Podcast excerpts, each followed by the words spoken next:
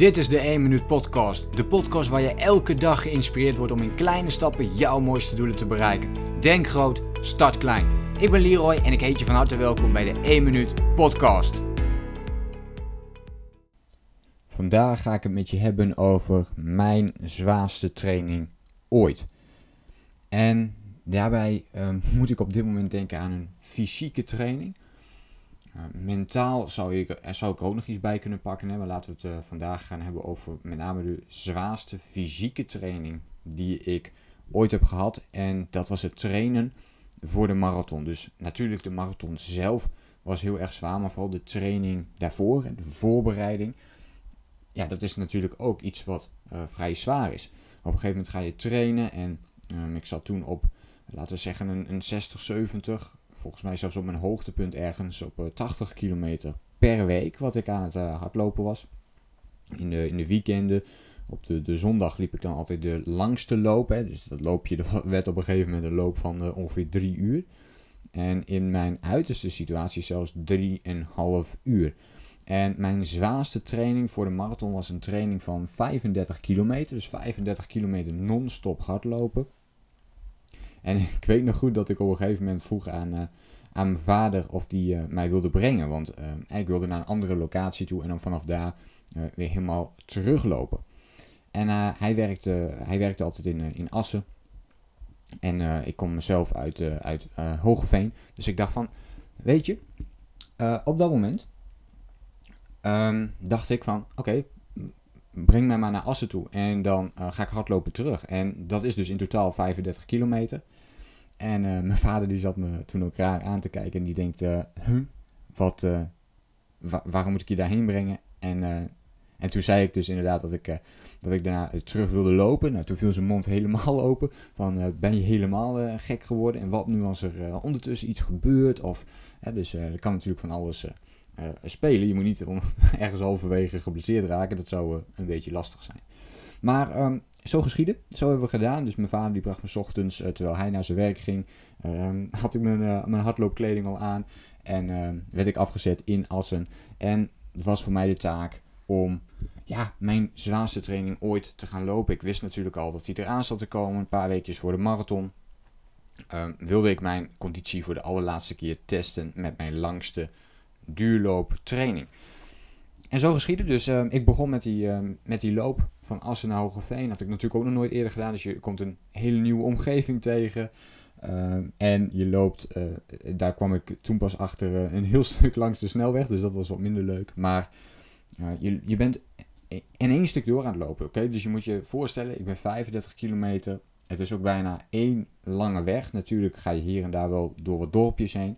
Maar verder uh, niet heel veel bijzonders. En dan word je zowel mentaal als fysiek gewoon uitgedaagd om door te blijven gaan. Om dus 35 kilometer lang en op, dat, op de training loop je ook altijd iets slomer dan, je, dan je normaal doet op de langere, op de, op de marathon zelf. Uh, zodat je uh, je benen nog meer kunnen verzuren, nog meer uh, niet kilometers maken, maar wel de tijd dus verlengt. Waardoor het dus moeilijker wordt voor ja, je benen in dit geval om, om fit te blijven. Dus dat gaat uiteindelijk verzuren. En dat was ook het hele doel ervan. Dus geloof, ik geloof, ik weet niet meer precies wat ik kwijt was. Ik denk 3,5 uur. Ik denk dat ik 3,5 uur alleen maar heb hard gelopen. Dus uh, niet gestopt. En ondertussen heb je natuurlijk heel vaak die, die gevoelens van ik wil nu stoppen of ik, ik wil niet meer in beweging. Maar ik bleef maar doorgaan en ik um, geloofde in hetgeen wat ik aan het doen was. Ook hield ik natuurlijk de missie van mijn bedrijf naar voren. Ook in kleine stapjes blijven zetten om je doel te blijven bereiken. En continu wanneer ik dacht ik kan niet meer, blijf die kleine stap zetten. En op een gegeven moment keek ik ook alleen nog maar omlaag zo'n beetje van oké, ik wil niet eens meer kijken hoe ver ik nog moet. Maar ik wil gewoon die hele kleine stapjes blijven zetten. En uh, ja, na verloop van tijd kwam ik dus eindelijk, uh, eindelijk ook aan. En ja, echt, het was uh, niet te geloven dat ik van, van Assen naar Hoogveen had gelopen. Ik voelde me echt de king, om het maar zo te zeggen. En dat was wel echt een, een prestatie waar ik uiteindelijk ook trots op ben. Maar het is iets waar, waar ik ook naartoe heb gewerkt om dat uiteindelijk te kunnen doen. Maandenlang ben je, ben je daarvoor aan het trainen. En, uh, ja, en op dat moment um, realiseerde ik dat. En dit was voor mij mijn zwaarste training ooit. Maar ook, dus fysiek, maar ook mentaal was het natuurlijk een hele stap om ja, zoiets te gaan doen. Gewoon in je training, in je uppie. En en maar gewoon te gaan lopen en je verstand op nul te zetten. En daar leer je ook weer heel veel van. Uh, dus veel doorzettingsvermogen krijg je erdoor. Uh, je gaat jezelf ontwikkelen, je gaat die kleine stapjes blijf je continu uh, zetten, ook letterlijk in dit geval. En ja, goed, dat wilde ik gewoon even met je delen. Dat af en toe iets heel zwaars doen voor jezelf. En dat hoeft niet per se fysiek te zijn, dat kan wel, maar dat kan ook mentaal zijn. Het kan ook zijn dat je je business naar een volgend niveau wilt tillen. Of uh, dat je in je relatie uh, iets, heel, iets heel uitdagends of iets heel sterks wil gaan doen.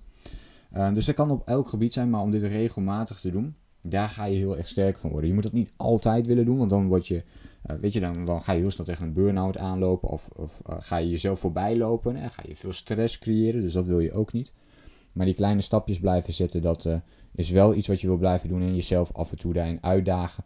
Dat heeft voor mij gezorgd dat ik veel meer zelfvertrouwen nog weer heb. En ook nog weer veel meer discipline heb ontwikkeld bij mezelf. Waar ik nu elke dag weer van profiteer.